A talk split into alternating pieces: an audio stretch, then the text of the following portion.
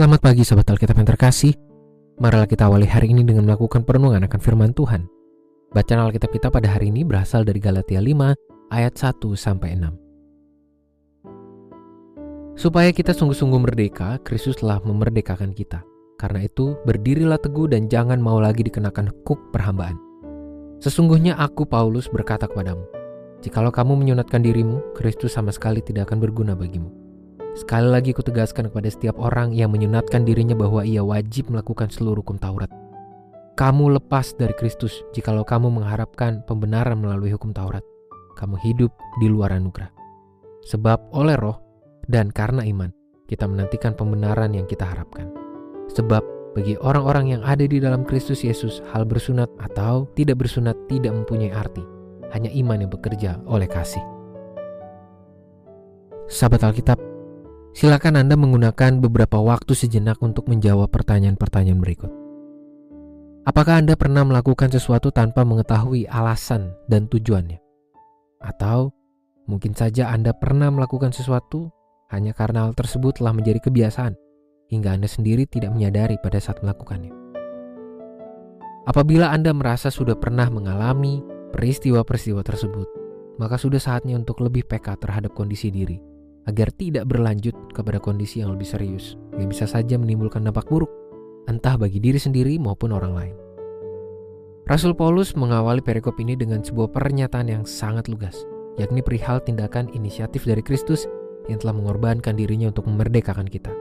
Hal ini adalah nilai utama dari kemerdekaan hidup sebagai kunci dari iman pengikut Kristus.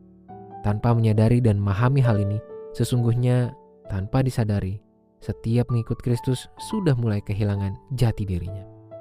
Kondisi inilah yang sedang terjadi pada jemaat di Galatia yang mengaku sebagai pengikut Kristus, namun justru kehilangan kesadaran dan pemahaman utama dari iman kepada Kristus itu sendiri. Itulah mengapa Paulus berusaha mengkalibrasi iman jemaat di Galatia agar dapat merespons keselamatan yang telah Kristus berikan dengan tepat. Sahabat Alkitab, iman yang merespons keselamatan Kristus adalah iman yang terus terarah kepadanya dan tidak kehilangan makna ikatan personal dengannya. Sungguh disayangkan ketika seorang umat mengaku menjadi murid Kristus namun justru bersikap formalistik seperti yang telah terjadi pada sebagian jemaat di Galatia.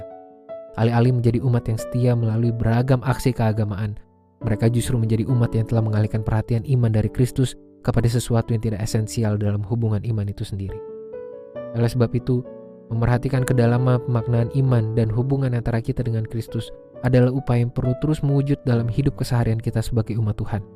Upaya ini tidak selayaknya berhenti pada satu titik tertentu yang kita anggap sudah cukup di hadapan Tuhan, melainkan perlu terus berkelanjutan selama hidup di dunia agar kita tidak kehilangan nilai iman kepada Kristus sebagai kunci dari nilai hidup sebagai umat Tuhan. Marilah kita berdoa. Ya Tuhan, bimbinglah kami, mampukanlah kami dengan hikmat dari rohmu. Tolonglah kami Tuhan untuk menjadi umat yang benar-benar merespons keselamatan yang telah kau berikan dengan membangun kesadaran dan membentuk pemahaman iman yang terus-menerus bertumbuh ke arah dan di dalam Kristus. Hanya dalam nama Tuhan kami Yesus Kristus kami berdoa dan menyerahkan kehidupan kami. Amin.